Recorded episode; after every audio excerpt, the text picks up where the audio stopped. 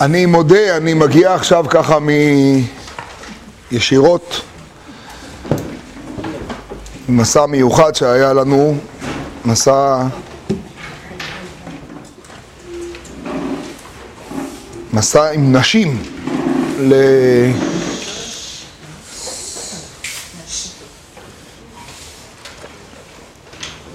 חוזרים עכשיו מאדיץ', מאוקראינה, מ... ללכת בין הבורות ובין הצדיקים, זה חיבור מופלא מאוד. אז ממש ככה, עכשיו נחתנו ככה ישירות לכותל ואל מול קודש הקודשים. אז גם הדברים שבהם אני אעסוק, מן הסתם ככה, באים משם.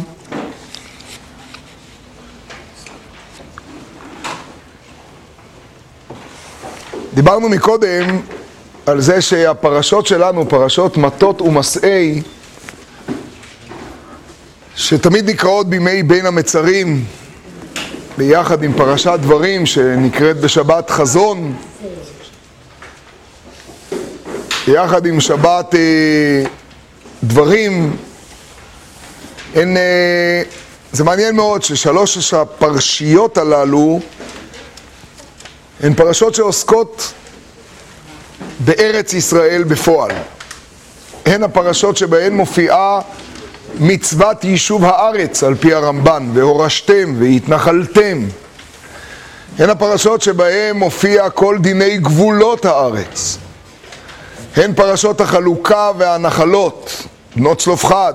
כל פרשות ההתנחלות בארץ נמצאות במטות ובמסעי בני גד ובני ראובן.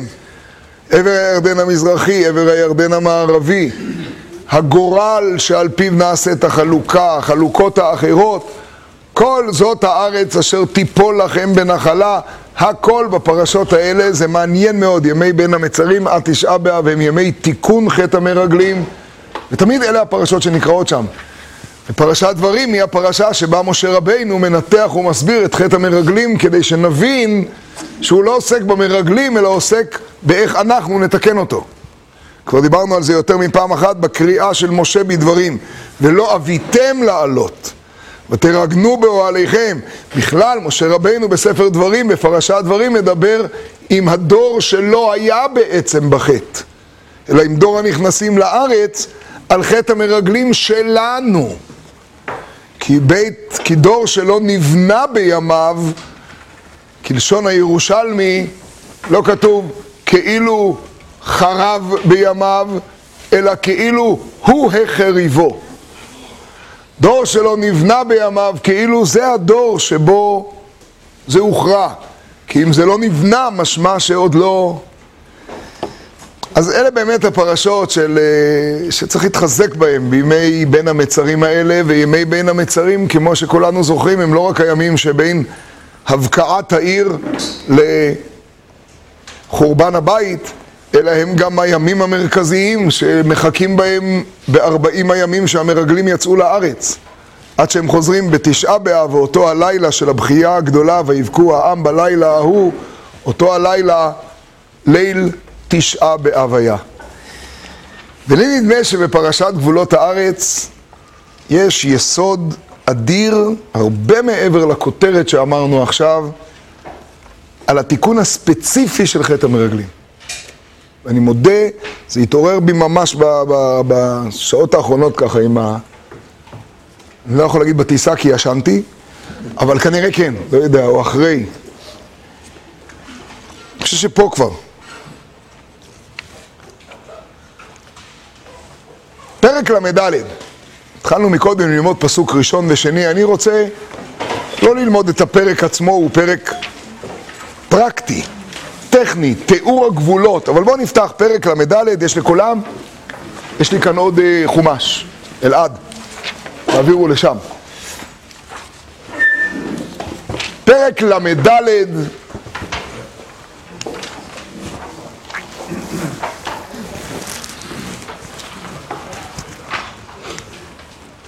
וידבר אדוני אל משה לאמור, צב את בני ישראל ואמרת עליהם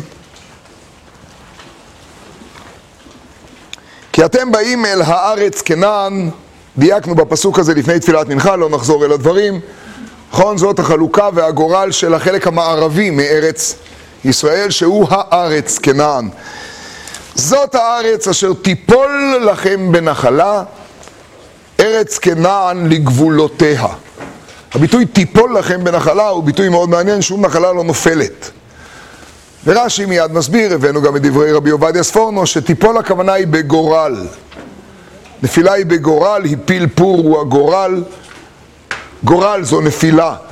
אז הנחלה אומנם מתחלקת גם על פי ריבוי ומיעוט, כמי, כפי שראינו בפרשת פנחס, לרב תרבה את נחלתו ולמעט תמעיט את נחלתו, אבל היא גם מתחלקת שלא על פי ריבוי ומיעוט, אלא מחלקים בי"ב שבטים, בי"ב פתקים, והגורל צווח ואומר גורל פלוני, לשבט פלוני וכולי. בסדר? ולכן זאת הארץ אשר תיפול לכם בנחלה. זה הפשט. רש"י אגב מביא מדרש מעניין מאוד, ומדרש הוא אף פעם לא אה, מנותק מהפשט. הוא מדרש שבא להסביר משהו עמוק. תראו את רש"י על המילה תיפול לכם, אם כבר פתחנו שם, תיפול לכם, אתם רואים מצד ימין ברש"י, בעמוד 507, פרק ל"ד. אז רש"י אומר שם, תיפול לכם שורה אה, חמישית, שישית מלמטה, על שם שנתחלקה בגורל נקראת חלוקה לשון נפילה, זה התיפול, אבל הקושי ברש"י הוא, זה מצוין, אבל זה לא תיאור הנחלות. תגיד שיש גורל, וזה גם נאמר כבר בפרשת פנחס, אך בגורל יחלק את הארץ. ולכן רש"י מביא מדרש אגדה מעניין מאוד, ומדרש אגדה אומר, לא רק מדרש, אלא מדרש אגדה, זאת אומרת זה לא פשט, אבל זה נצרך לפשט, על ידי שהפיל הקדוש ברוך הוא שריהם של שבעים אומות מן השמיים. שמעו את הביטוי, זה רק התחלה, עכשיו הביטוי. וכפתן לפני משה.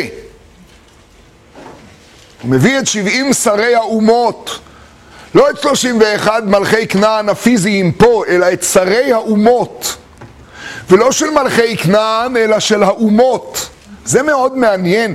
למה זה צריך להיות קשור לכל האומות עכשיו? הרי אני בא לכבוש את ארץ כנען. היה צריך להפיל 31 שרי מלכי כנען. אני מבין שלכל אומה יש שר, אני מבין שיש שר של מצרים ושר של עשיו, הבנתי. זה היה צריך להיות שרו של כנען, שרו של, אה, לא יודע, אבל הפיל 70 שרי האומות, שמעו את הביטוי, וכפתן לפני משה.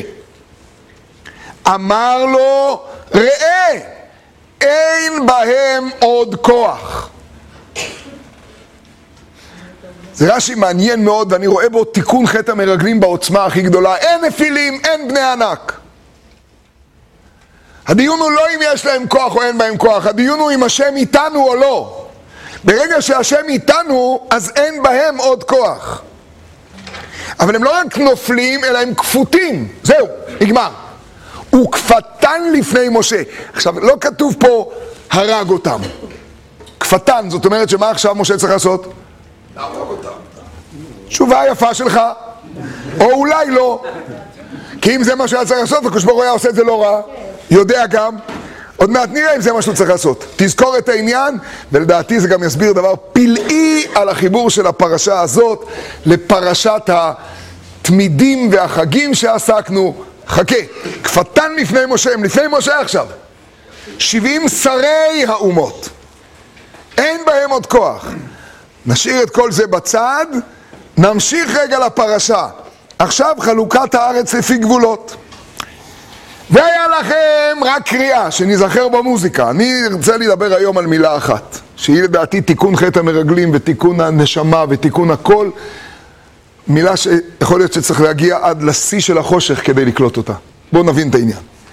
והיה לכם פאת נגב ממדבר צין, והיה לכם פאת נגב ממדבר צין על ידי אדום, והיה לכם גבול נגב מקצה ים המלח קדמה. אני לא נכנס עכשיו לצורת הדברים, רש"י מסביר, הולכים דרומית ממזרח למערב. בסדר? אם אנחנו פה, אני בצד הזה, אז זה ממזרח למערב. הולכים דרומית ממזרח למערב.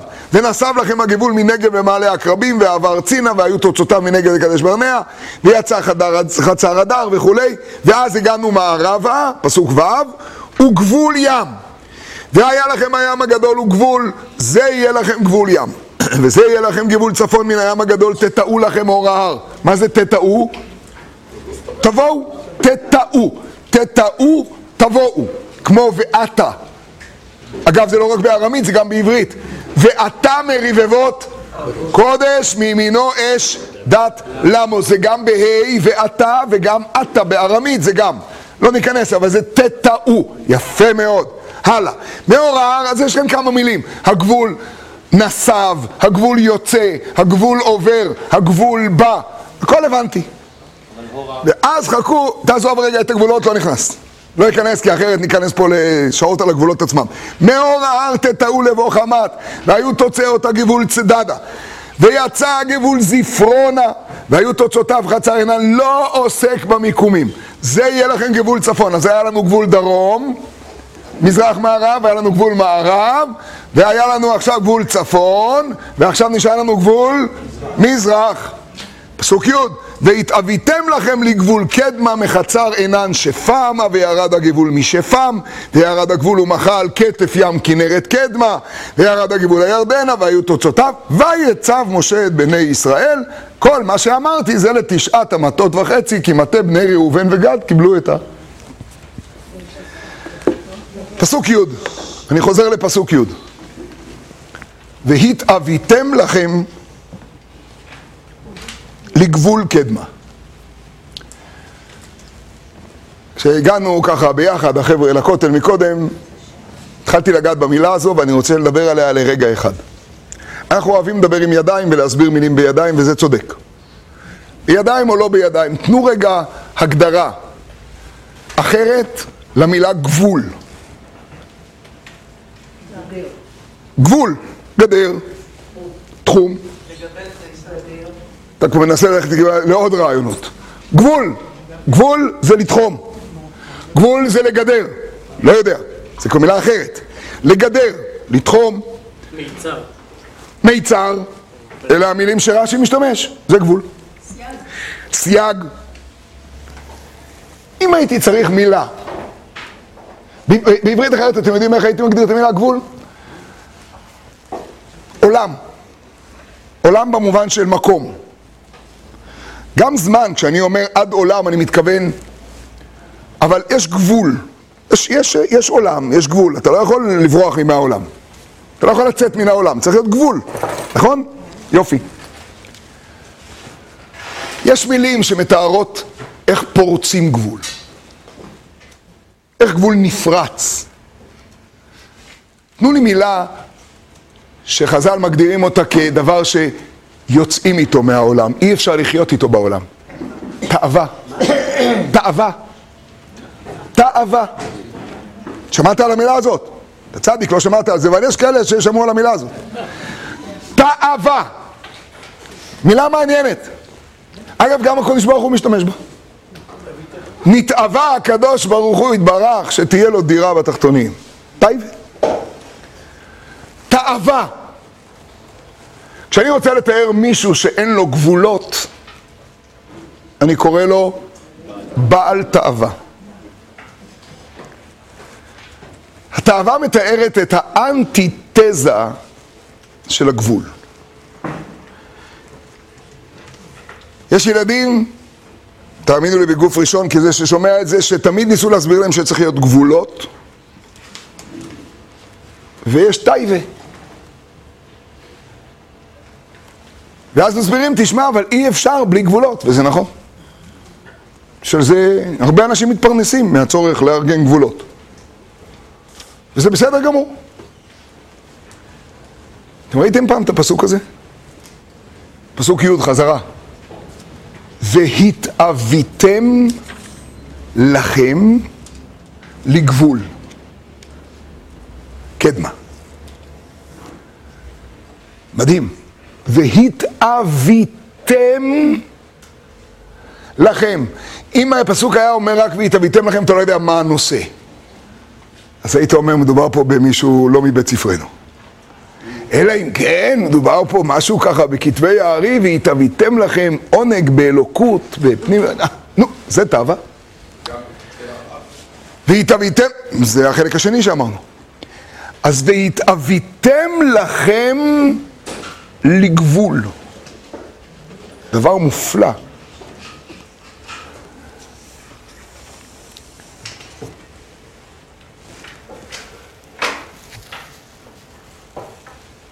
אני חושב שכאן נמצא יסוד שקודם כל רש"י והמפרשים אומרים קודם כל שבפשט והתאביתם זה מהשורש של תטעו. אבל השימוש הוא במילה תאווה, אין מה לעשות. השימוש הוא במילה הברורה של תאווה. ואני רוצה להזכיר לכם את המילה תאווה עם מיקום. יש תאווה עם מיקום. כשיעקב מברך את יוסף, הוא מברך אותו שברכות הוריו יחולו עליו עד תאוות גבעות עולם. עד תאוות גבעות עולם. זו ברכה ליוסף. הקושי שלנו, השבטים עם יוסף, היה התאווה. במובן השלילי של המילה הזאת. במובן של המשנה, של התאווה שהיה נדמה לנו שמוציאה את האדם מן העולם. כשאנחנו אומרים חז"ל לחפש את יוסף בשווקי מצרים, הלכנו לחפש אותו, אתם זוכרים את המדרש? בשוק של זונות. ויוסף, שכל עניינו זה שמחבב את ארצו ובניו תופסים את החלק הכי מרכזי של פרשות ארץ ישראל. בנות צלופחד,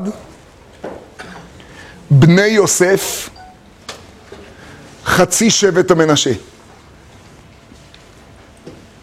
הם תופסים מקום לא פרופורציונלי לאף אחד אחר. הם לא מבקשים נחלה בעבר הירדן המזרחי כי הם בכלל לא מבקשים. והם אלה שמגלים את מושג הארץ ותובעים את הגבולות המדויקים, ואחרי שבנות צלופחד תובעות את הנחלה שלהם, באים בני יוסף ואומרים יפה מאוד, אבל מה עם הנחלה שאנחנו הפסדנו בעקבות זה שבנות צלופחד לקחו את נחלת בני מנשה? את המשפחה שלנו.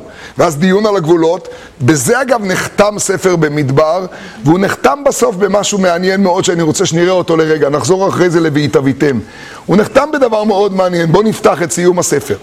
ממש את הסיום. מפטיר של הפרשות שלנו. השבת, פרשיות מטות מסעי מחוברות.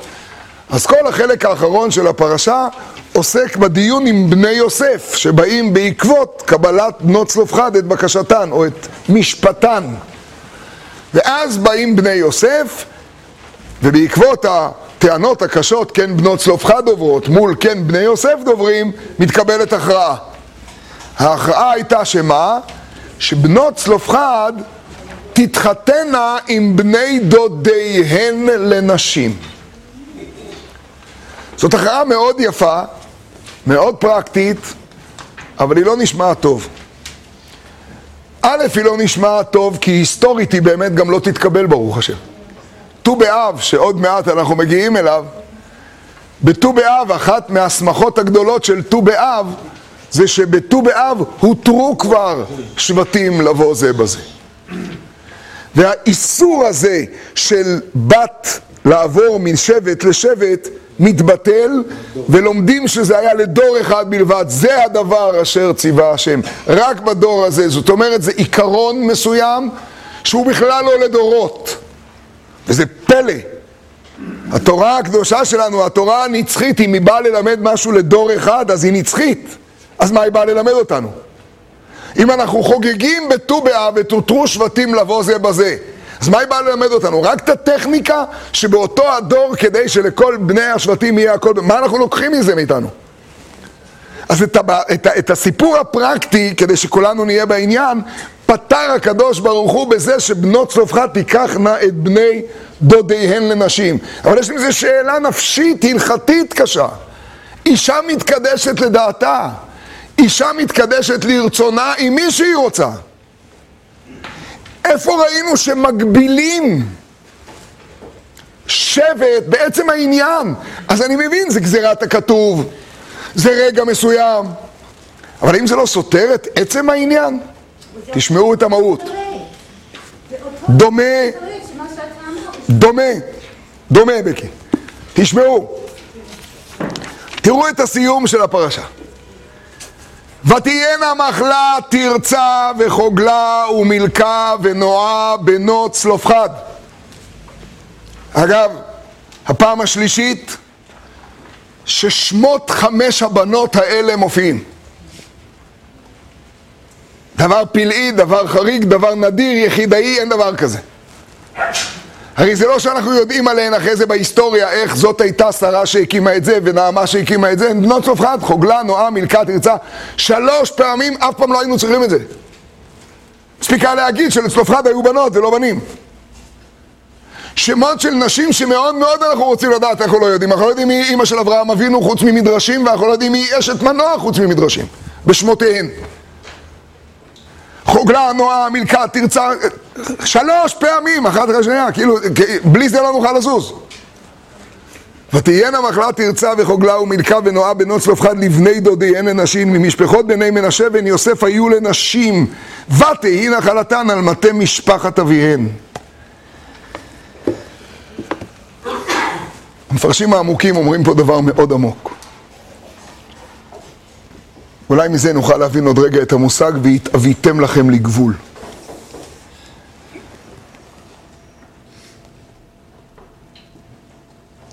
המפרשים שמעמיקים פה מדברים על זה שאכן אישה מתקדשת לרצונה, בלבד.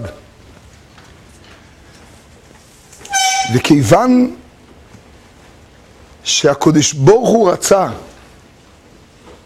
עוד לפני שזה נאמר בכלל, הרי בנות צלופחד מכוונות לדבר השם. זה עומק המושג של שעשני כרצונו.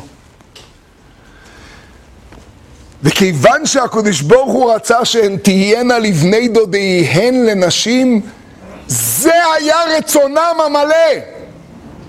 זה לא היה הסכמה עם זה. זה היה רצונן שלהן. רצונן שלהן בא לידי ביטוי, הסיפור הוא לא רק על מה היה פרקטית, אלא לספר לכם מה הן בנות צלופחד. בנות צלופחד הם בני אדם כאלה שהגיעו למדרגה שרצונו של הקדוש ברוך הוא ורצונן הוא אחד לגמרי, שרצוני כרצונך.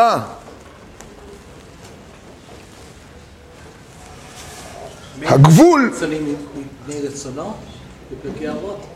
זה, אז, כן, זה, זה בטל רצוני, אבל זה, זה יותר, זה עשה רצוני כרצונו.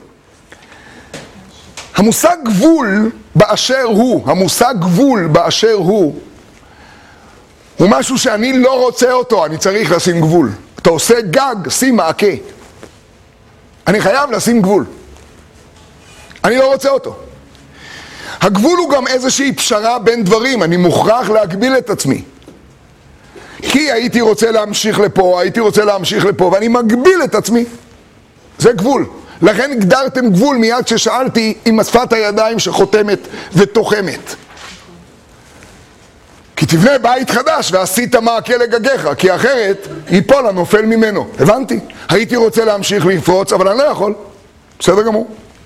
כשרוצים לתאר ש, ש, שאתה יכול לפרוץ על השמיים הם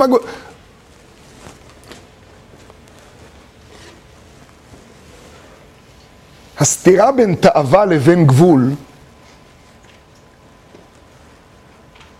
היא בעומק מה שיסביר לנו את הגלות שלנו הפנימית. אנחנו מוכנים לקבל גבולות, אבל התאווה שלנו נשארת התאווה שלנו. יש לנו תאווה ל-X ויש גבולות. כשרוצים חז"ל לתאר בעומק מה קרה בחורבן בית המקדש, אנחנו בבין המצרים, אז הם מתארים את זה בגמרא מדהימה. גמרא שדנה בשאלה הלכתית, של תאווה. ממש שאלה של תאווה, שאלה מפורסמת. גמרא שואלת, מה הדין באדם, אם אפשר עם הפלאפונים לוודא שכולם כולם סגורים, אני לא יכול להמשיך. לא יודע מאיפה זה פה פתאום. הנה. זהו, אז כל מה ש... לא יודע מה זה. תראה שזה מת. זה מחו"ל בכלל. אז אה, תאווה, תאווה, הגמרא, הגמרא שמתארת את עניין חורבן בית המקדש, אז היא מתארת סיפור. היא, מתאר, היא לא מדברת שם על החורבן, היא מדברת על שאלה בהלכה. והיא מתארת ש, שאדם היה אה, חלה בנפשו, ובאו הרופאים ואמרו, כולם בטח מכירים את זה, ובאו הרופאים ואמרו שאם הוא אה, יהיה עם אישה פלונית, יבוא על אישה פלונית, אז הוא ירפא. והגמרא אומרת שבאו לחכמים והם אסרו מכל וכל. ימות ועל אה, חס ושלום. טוב, באו הרופאים ואמרו, בסדר, אז שלא יהיה איתה ממש, אבל שידבר איתה. אסרו. באו ואמרו שהיא תהיה מאחורי הגדר, יספר עימה מאחורי הגדר. אסרו. שאלה הגמרא, תגידו לנו את הסיטואציה, מדובר באישה אשת איש, ואז זה יכול להיות מובן לגמרי, או מדובר באישה פנויה. ואז לכאורה, מה הבעיה? ידבר איתה, אולי זה השידוך הכי טוב. אז הגמרא אומרת לשיטה המסכמת שם בסוגיה שמדובר באישה פנויה. אז למה זה נאסר? אז הגמרא בהתחלה אמרה את הסברה שלא יהיו בנות ישראל הפקר. שמירה על קדושה, שמירה על צניעות, זה לא, אין, לא מעניין אותנו. ואז אמרה הגמרא, אבל לא הבנתי, אבל אם היא פנויה, אז אדרבה. ענתה הגמרא תשובה מדהימה. כיוון שהיא פנויה, והוא, הרי יש לו תאווה, יש לו התמכרות. הבינו חכמים את העיקרון הנפשי הבא. אם הוא יישא אותה, זה יהיה בהיתר. אם זה יהיה בהיתר, זה לא יפתור לו את בעיית ההתמכרות. כי הוא זקוק למים גנובים. מים גנובים ימתקו ולחם סתרים ינעם. ואז מביאה הגמרא משפט קשה להגיד אותו. שמאז שחרב בית המקדש, ניטל טעם ביאה וניתן לעוברי עבירה. שמעתם את הדבר הזה? ניטל טעם ביאה וניתן לעוברי עבירה. אם רוצים להבין בעומק באמת מה זה חורבן בית המקדש, לדעתי בלי הגמרא הזו אי אפשר להבין כלום. בלי הגמרא הזאת אנחנו נמשיך לדבר על מתחמים.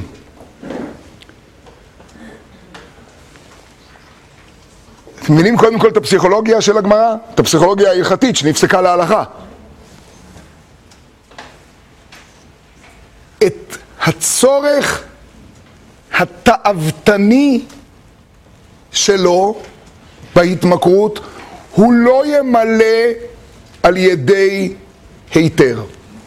הוא חייב שזה יופיע בפריצה של גבול. זה עצם היצר, זה עצם הצורך. וזה התוצר של חורבן בית המקדש. כי בבניין המקדש ישוב טעם הביאה, ועכשיו אני הולך להגיד את הדבר הבא, והתאווה תהיה אל הגבול, ובגבול, והגבול יהיה התאווה, והתאווה והגבול לא יהיו שני דברים. והתאוויתם לכם לגבול קדמה. זה ביטוי בלתי ניתן לתפיסה, המושג הזה, והתאוויתם לכם, אף אדם בעולם לא יצייר לי מפת גבולות ויגדיר אותה על פי תאוות. והתאוויתם, שנייה, שנייה, והתאוויתם לכם לגבול פירושו בעומק שאני מגיע למצב כזה שאני קולט.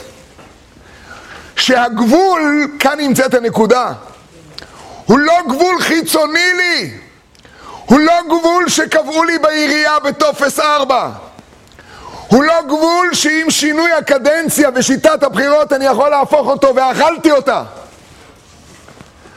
הוא גבול שנראה חיצונית שהוא נקבע על פי לרב תרבה, למעט תמעיט, סיבות פרקטיות, אבל באמת הגבול הזה הוא גבול אלוקי.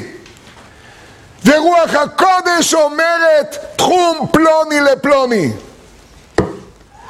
הגורל שדיברנו מקודם הוא העבודה הנפשית הפנימית שלי להבין שהגבול הוא המקום שתחם לי הקדוש ברוך הוא כדי שממנו תופיע היצירה הגדולה ביותר שיכולה להיווצר. אתם יודעים מה פירוש המילה צר בעברית? צר, צר. צר מצייר לנו מיד משהו מאוד שלילי, צר. וצר מצייר לנו צר רשע, צר. וצר בתור מילת פועל פירושו צר צורה. צר יצירה, צר מציאות שהיא בלתי סופית ואין שום סתירה בכלל. כי אם אני לא יכול לצרור את עצמי בנקודה שהיא הנקודה האמיתית שלי, אני לא יכול ליצור. בעולם התוהו אין צורות. שורש המילה צר זה מצורה, מיצירה. מכוח יצירה בלתי ניתן להפסקה. כי אני מתאווה לגבולכם, והתאוויתם לכם לגבול. אם אני תופס שגבולות ארץ ישראל הם לא הגבולות החיצוניים שנחתו עליי,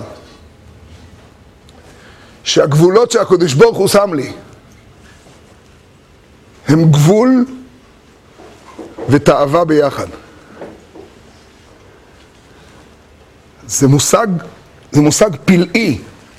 עמית זרק מקודם מילה שקשורה מאוד למילה גבול, אני לא יודע אם מספיק מכירים אותה. יש מלאכת מגבל בשבת. מלאכת גיבול זה מלאכת לישה. כשאני לש, בצק, כשאני לוקח יסודות הפוכים של נוזל ומוצק או צומח, כשאני הולך ומגבל אותם ביחד, אני יכול ליצור יצירה ראשיתית, שלישית, חלה, מגבלים. מגבלים חלה. זה עומק העניין של ראשית הריסותיכם חלה תרימו. מגבלים חלה. הקדוש ברוך הוא מוריד מן מן השמיים, ואני מגבל את החלה, כאשר אני מוציא את החיטה מן הארץ. הגיבול הוא ההכרה הפנימית שלי באין סוף שהקדוש ברוך הוא קבע לי בגבול שלי. אני סיפרתי לחבורה קטנה, סיפור שהיה לי לפני כמה שבתות, שמאוד תפס אותי, ופתאום חשבתי על המילה הזאת, שגם אותה לא הכרתי מספיק. משנה במסכת אבות מדברת על 48 דברים שהתורה נקנית, ואז היא מדברת על שני דברים צמודים, המכיר את מקומו והשמח בחלקו. והיא מדברת אה, הלאה בדברים האלה. ישבתי בשבת אחת עם זוג יקר מאוד,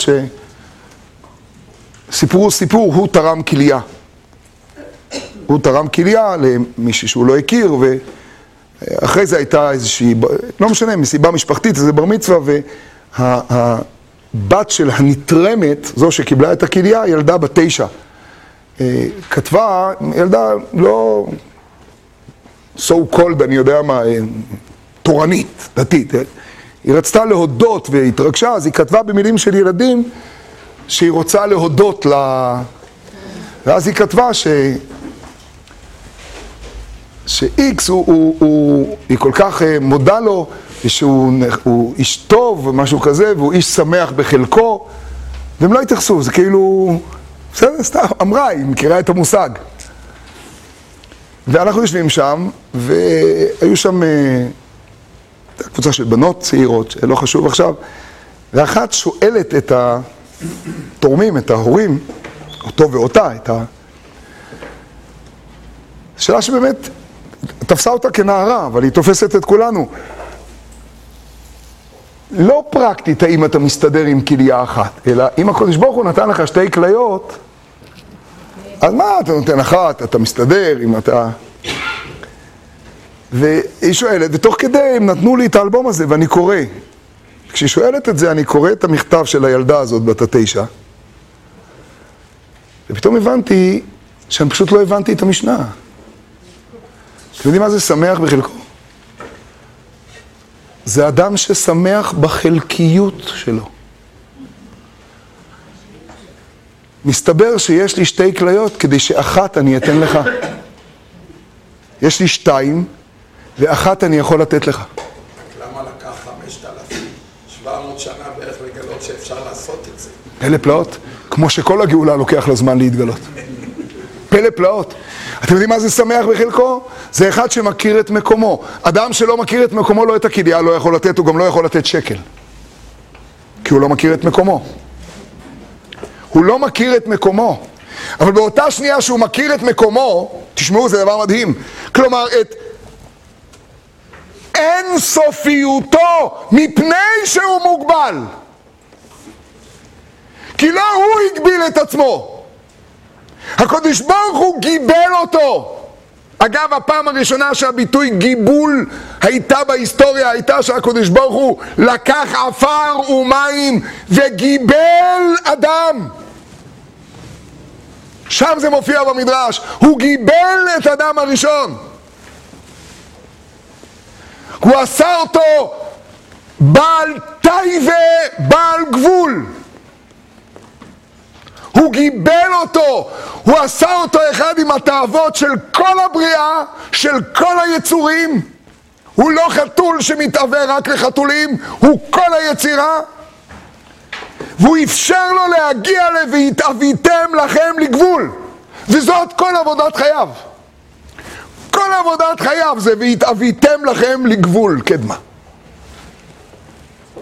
זה דבר פלא פלאות, פתאום הבנתי מהילדה המתוקה הזו בתשע שלא הבנתי בחיים מה שכתוב שם. המכיר את מקומו, שמח בחלקו. אתם יודעים איזה שמחה של האבא הזה עם הכליה האחת ועם האישה הזו שעכשיו נמצאת עם עוד ילד?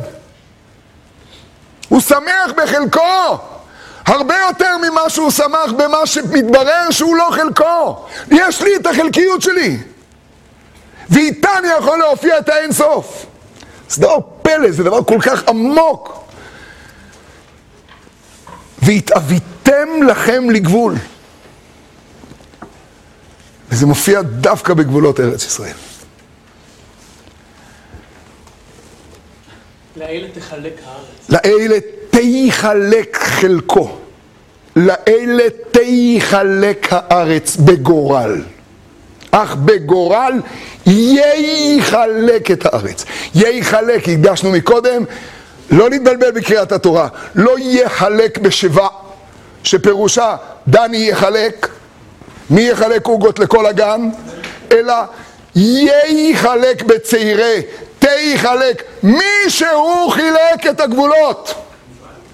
והמישהו הזה יודע לגבל. והמישהו הזה רוצה שנגיע ל"והתאוויתם לכם לגבול". וכשנגיע ל"והתאוויתם לכם לגבול", יחזור טעם הביאה לגבול. ואז המילה גבול לא תהיה מיד גבול, אלא גבול. גבול שמישהו הגביל. לכן המילה של גורל היא כל כך עמוקה כאן. כי מה זה בעצם גורל? המילה גורל, אני מבין אותה, גורל, הקדוש ברוך הוא הטיל גורל, נו זה אלוקים. הגורל הוא בא לידי ביטוי בגבולות. אז מה אתה רוצה ממני? למה אתה אומר שהולכים לפי רע ומיעוט? אני רוצה שאתה תחשוב שזה טכני. ואז תזכור כל הזמן שכשתינוק מהאין סוף אתה תבין שזה אלוקי. לפעמים אנחנו יכולים להכיר את הגבולות ולהכיר את המציאות ולאבד את, לאבד את השאיפה בכלל לתאווה לזה.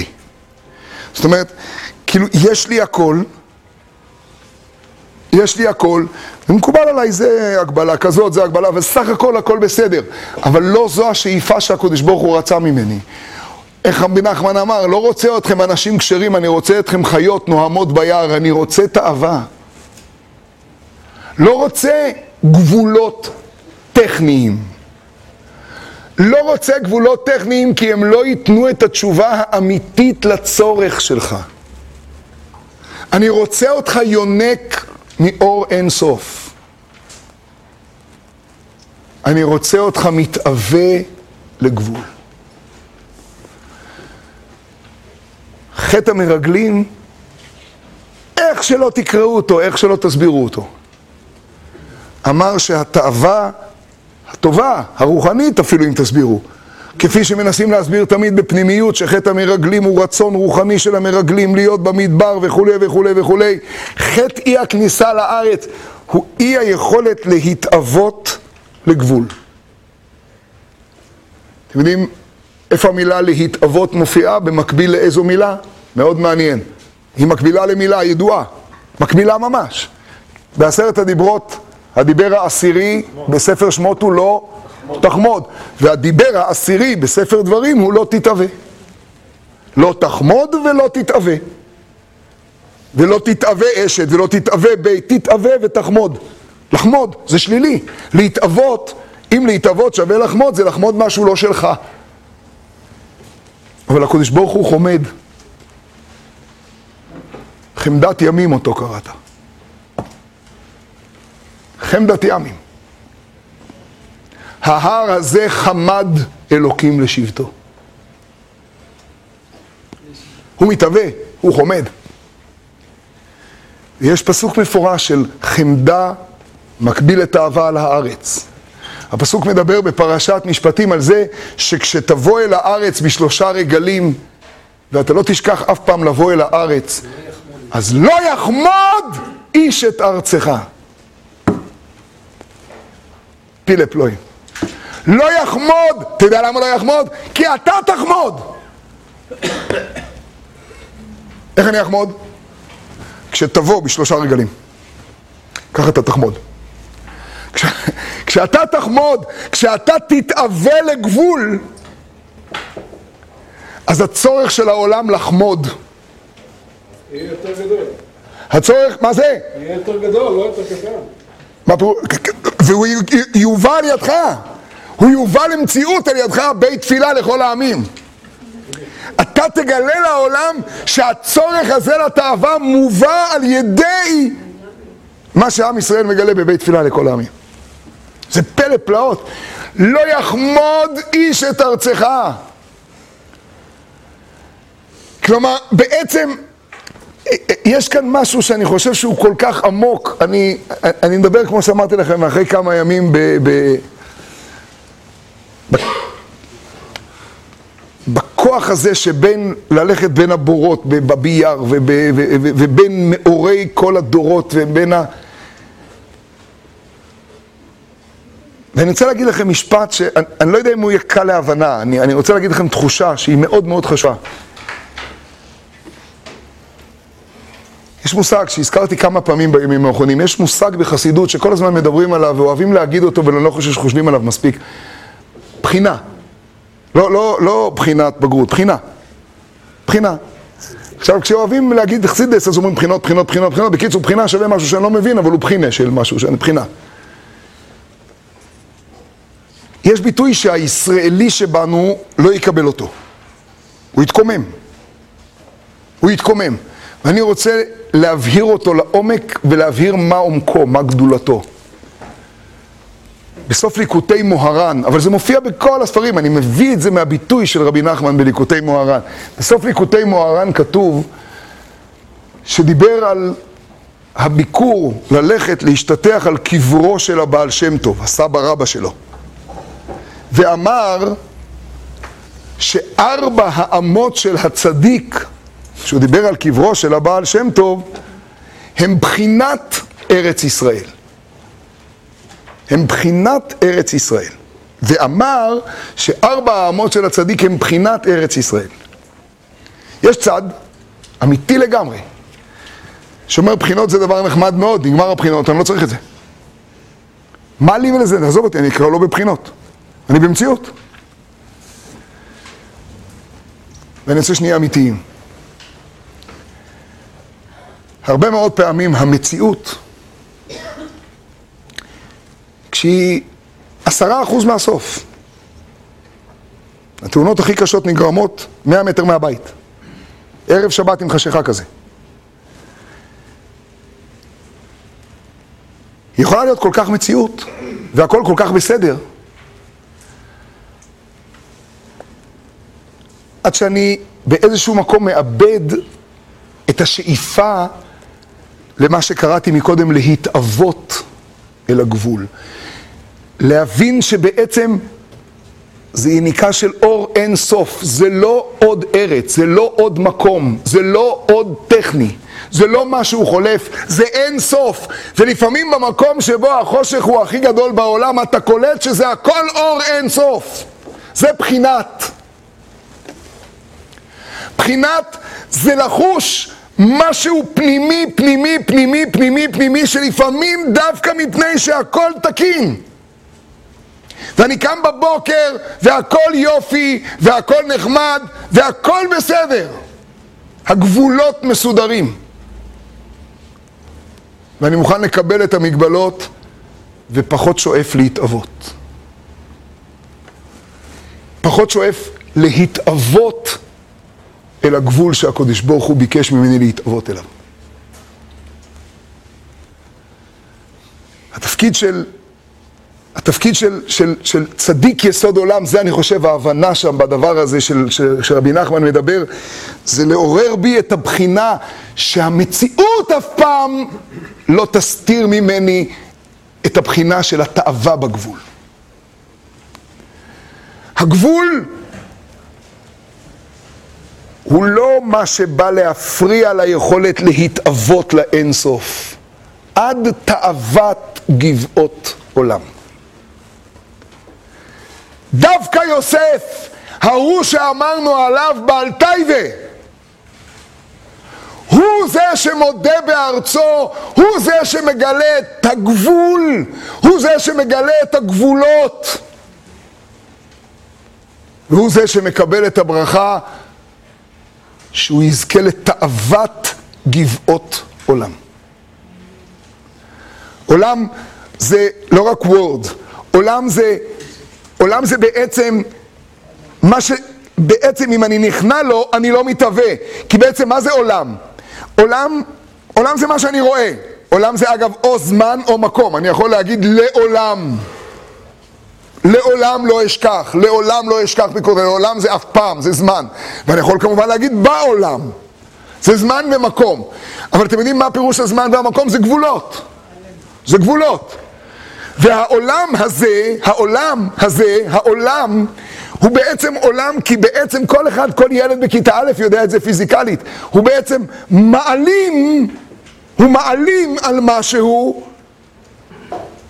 שאני לא חש אותו. הוא מעלים. כשאני מברך שהכל נהיה בדברו, אז אני אומר, אני יודע שיש פה מים. אני יודע, זה נחמד מאוד. אבל אתה יודע מה יש פה? יש פה את הקדוש ברוך הוא שאומר עכשיו יהי מים. לעולם השם דברך ניצב. יש פה מחדש בטובו, יש פה העלמה של משהו שכשאני אקלוט אותו, אז העלמה הזו מסתירה מסתירה, מכסה, מעלימה על האור אינסוף שאני מגלה דרך הגבול. הקדוש ברוך הוא שם אותי בעולם, הוא שם אותי במקום שבו הוא נעלם כדי שאני אגלה אותו. זה העולם. זה העולם. כל ברכה שלנו, כל מציאות שלנו, ברוך אתה השם אלוקינו מלך העולם. שמעתם פעם ביטוי כזה? אני יודע שיש מלכת אנגליה. אני יודע שיש בכלל נסיך, גם הכל יש שם. אני יודע, יש, בסדר גמור. יש, הבנתי, יש מלך של... מה זה מלך העולם? זה מלך שנעלם. הוא המלך של ההיעלמות. הוא המלך שכל הזמן מופיע ומחכה שתראה בגבול את האינסוף. הוא מלך העולם. הוא מלך העולם, הוא מחכה שהאינסוף יופיע דרך הגבול. מבינים מה זה תאוות גבעות עולם? זה המושג. תאוות גבעות עולם. התאווה נוצרת, כל אחד יודע את זה, אגב, הכי פיזי שיש, התאווה נוצרת כשמשהו מוסתר ואתה רוצה להגיע אליו. מים גנובים ימתקו. ממש, אבל בהפוך. מים גנובים ימתקו, אבל לא בשלילה. מים גנובים ימתקו, אבל בהפוך על הפוך. מים גנובים במובן, אני רוצה להגיע לאינסופיות פה. אני לא רוצה, אני, אני לא רוצה להסתפק, אני לא רוצה להסתפק בגבול. והתאוויתם לכם לגבול קדמה. ולכן לעניות דעתי בראש הדמויות של החיבה של הארץ, של, ה, של העבודה על הארץ, נמצאות בנות יוסף. ובלי קשר כאילו מסכם את הפרשה, אתם יודעים מה זה בנות יוסף? בנות יוסף זה, זה אותן בנות שמייצגות בעצם את כל אלה שלא אפשרו לפרקטיקה להכריע להם את החיים. מי אפשרו לפרקטיקה להשפיע עליהם את החיים? כולנו. כולנו. כולנו. שישים ריבו מינוס שניים. כולנו. כולנו אמרנו שפרקטית יש פה נפילים ובני ענק. כולנו לא אבינו.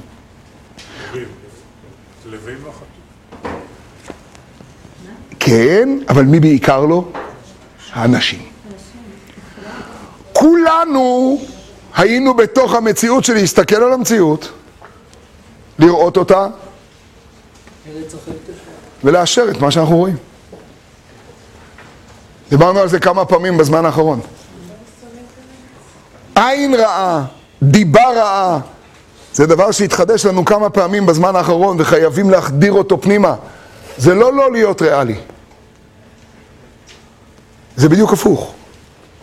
בלעם מסתכל על העגל וישת אל המדבר פניו, עומד על ראש הפאור ואומר ריבונו של עולם, היה עגל או לא היה עגל? היה פאור או לא היה פאור? היה, היה. ולא סתם היה, אתה בעצמך אמרת על העגל ערף ממני ואשמידם, בוא נהיה ריאליים. אתם יודעים מה זה דיבה רעה? דיבה רעה זה להגיד ריאליה. אוכלת יושביה או לא אוכלת? אוכלת. מפילה את מתיה, קוברים את מתי האנשים שם, קוברים. אתם יודעים מה זה עין טובה? אבל חפץ בנו השם או לא? העולם משפיע עליך? ההיעלמות, אתה נכנע לה? או שאתה רוצה להמשיך להתאבות?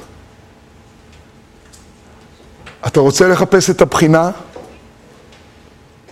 כדי לא לפספס לשנייה אחת, דווקא בגלל המתנות הטובות שקיבלת ולהסתפק שם? תיזהר מליפול. זה כזה דבר גדול. בלעם צודק, מאה אחוז צודק, יש עגל. יש פאור, הכל יש.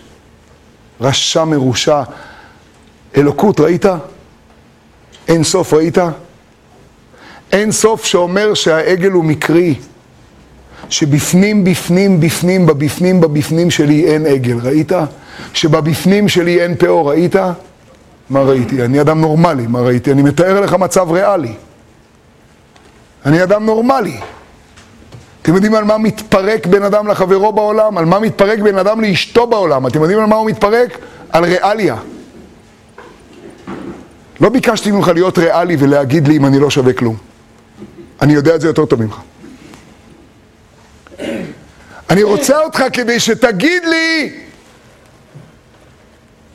מה בתוך הגבול הזה אני יכול להתאבות, מה כאן האלוקות שאני לא רואה. את העין הטובה הזאת אני צריך ממך.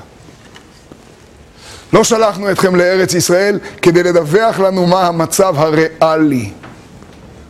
אנחנו יודעים שריאלית תהיה שם נפילים ובני ענק. מה זה רלוונטי? מה באתם להגיד לי? אם חפץ בנו השם, אתם יודעים מה העומק של אם חפץ בנו השם? אמרנו את זה במילים ורק עכשיו אני תופס את זה. אתם יודעים מה זה אם חפץ בנו? בתרגום ללעז, אם חפץ בנו, if he wants, אם הוא רוצה אותנו, או הוא רוצה... אתם יודעים מה זה בעומק אם חפץ בנו השם? אם בתוכנו יש את החפץ שלו. אם החפץ שלו הוא בנו. אם יש רצון יותר עמוק בתוכי מהרצון שמתגלה. אם חפץ בנו השם. אם הוא חפץ והחפץ הזה הוא בנו, אז ממילא כל תיאור הנפילים ובני הענק הוא בסך הכל הסבר לאיך הוא יופיע ויתגלה בעולם. אבל אם חזק הוא העם ממנו, ממנו, תסתכלו על האצבע, ממנו, כלומר, מהחפץ האלוקי שבתוכי. בעברית אחרת, כן, בטח, אני יודע, עם ישראל חי, בטח, מה זה יש בך נפש אלוקית? בטח, בטח, אבל אתה קרימינל. במה נפש אלוקית? אנחנו גם נשיר שיר בליל שבת, בטח, אבל לכל שבת יש מוצאי שבת. בטח, מה זה, אתה בטח, רשע מרושע. אני רשע אולי, אבל אתה בלעם בטוח. אתה מתלמידיו. אתה מייצג את תלמידיו. אתה לא מגלה שחפץ בנו השם, ושזה הדבר הכי ריאלי שיש. וכשהחפץ הזה יופיע, כי הוא קיים בנו, אתם מבינים את ההבדל? זה לא he wants. זה קיים בנו, החפץ הזה קיים בנו. זה החפץ שקיים בי. ארץ חפץ, מי נקרא? מדהים. מי נקרא ארץ חפץ? עם ישראל, לא הארץ רק. ואתם תהיו לי ארץ חפץ. אתם הנחלה של הרצון שלי. מי? הקרימינל שדיברת עליו מקודם. אז למה הוא לא מצליח לגלות את זה? בגללך. כי אתה ריאלי. כי אני לא מאפשר לו לגלות את זה. והתאוויתם לכם לגבול קדמה. והתאוויתם. ולעניות דעתי זה דווקא קדמה מכל הגבולות. זה מעניין שזה מופיע דווקא בקדמה. כי כשנמצאים בעזרת השם בבית המקדש שייבנה במהרה בתשעה באב, אנחנו נחגוג שם כולנו, כשנמצאים בבית המקדש, אז אנחנו צריכים להשתחרר מהטעות שלנו שכבר נכנסה לנו לגמרי בראש. אנחנו באים לבית המקדש ממרכז הארץ, דהיינו מתל אביב. כלומר מהמערב, כלומר מהחוף, משרתון. זה בסדר, אבל הכניסה לבית המקדש תהיה מהמזרח ולא מהמערב. כמו שלא יתבלבלו הירושלמים, בעזרת השם, מחר בבוקר, כשיגיעו לשחריס לקורבן תמיד, אז אתם תגיעו אחרונים אם תמשיכו ללכת דרך שער יפו. זה נחמד מאוד, השוק יהיה פתוח, קישלה הכל על הכיפה, כי יש שם המון דברים יפה, נכנסים מהמזרח כדי לעדכן פשוט בכניסות. בסדר? לגבי החניות. נכנסים מהמזרח. שער המזרחי הפונה קדים. והמים שיצאו מבית המקדש יצאו מהמזרח והם יגיעו להר הזיתים והם ירדו לים המלח ויהפכו אותו לים של חיים. המזרח וכל הגבולות שנדמה לנו שקיימים, שמישהו ייקח תצה, תצלום אוויר, ויסתכל איך המערב מפותח, ויסתכל מה קורה משער הרחמים למטה. יופי של תמונות, מדבר סהרה. ואז הוא יבין מה זה מחיי המתים. ואז הוא יבין מה זה והתאוויתם לכם לגבול. קדמה. קדמה זה לגלות, וזה שער הכניסה. וזה השער שממנו יוצאים המים החיים מירושלים אל ים המלח. אנחנו בראש פסיכולוגי מערבי, בכל. המערב הוא האחור של בית המקדש, הוא האחורה של ארבע כנפות, אחור וקדם צרתני. אחור, מערב זה האחור, חשוב, עצום. מבלבלים את הסיפור, מעולם לא זזה שכינה אפילו מכותל המערבי של בית המקדש. זה המושג. לא זזה מכותל המערבי זה כותל, וכותל של מערב, ושכינה לא זזה. אז אתם מבינים מה זה בית המקדש? אבל לא זאת הכניסה. לא זה החלום. מה קרה לנו עם התאוות שלנו? מה קרה? הפסקנו להיות בעלי טייבה? השתגענו? יש גבולות? והתאוויתם לכם לגבול קדמה. זה דבר מופלא. אם יש תיקון לחטא המרגלים, שחתכו בין התאווה לגבול, שהיה, שהחסירו את התאווה, את התאווה. אתם יודעים איפה אני יודע שזה כל מה שהיה חסר בחטא המרגלים? משה רבנו מגדיר את זה במילה אחת ברורה. ולא אביתם לעלות. אתם יודעים מה זה ולא אביתם? טייבה. תאב לדבר, בבית ובוו. היינו הך. אביון זה מלשון תאב. ולא אביתם לעלות. וכשלא אביתם, אז ממילא יש ותרגנו ויש את כל השאר, ואז הכל ברור, ואז יש תשעה באב. ואז מה קורה בתשעה באב? ניטל טעם ביאה וניתן לעוברי עבירה. כי אנחנו את האביתם, את הטייבה, לא הכנסנו לתוך הגבול. אם היינו מכניסים את הטייבה לתוך הגבול, אז לא היה ניטל טעם ביאה וניתן למי שלא יכול לעשות את זה בתוך הגבול. ולא אביתם. תיקון חטא המרגלים הוא בתאוות הגבול.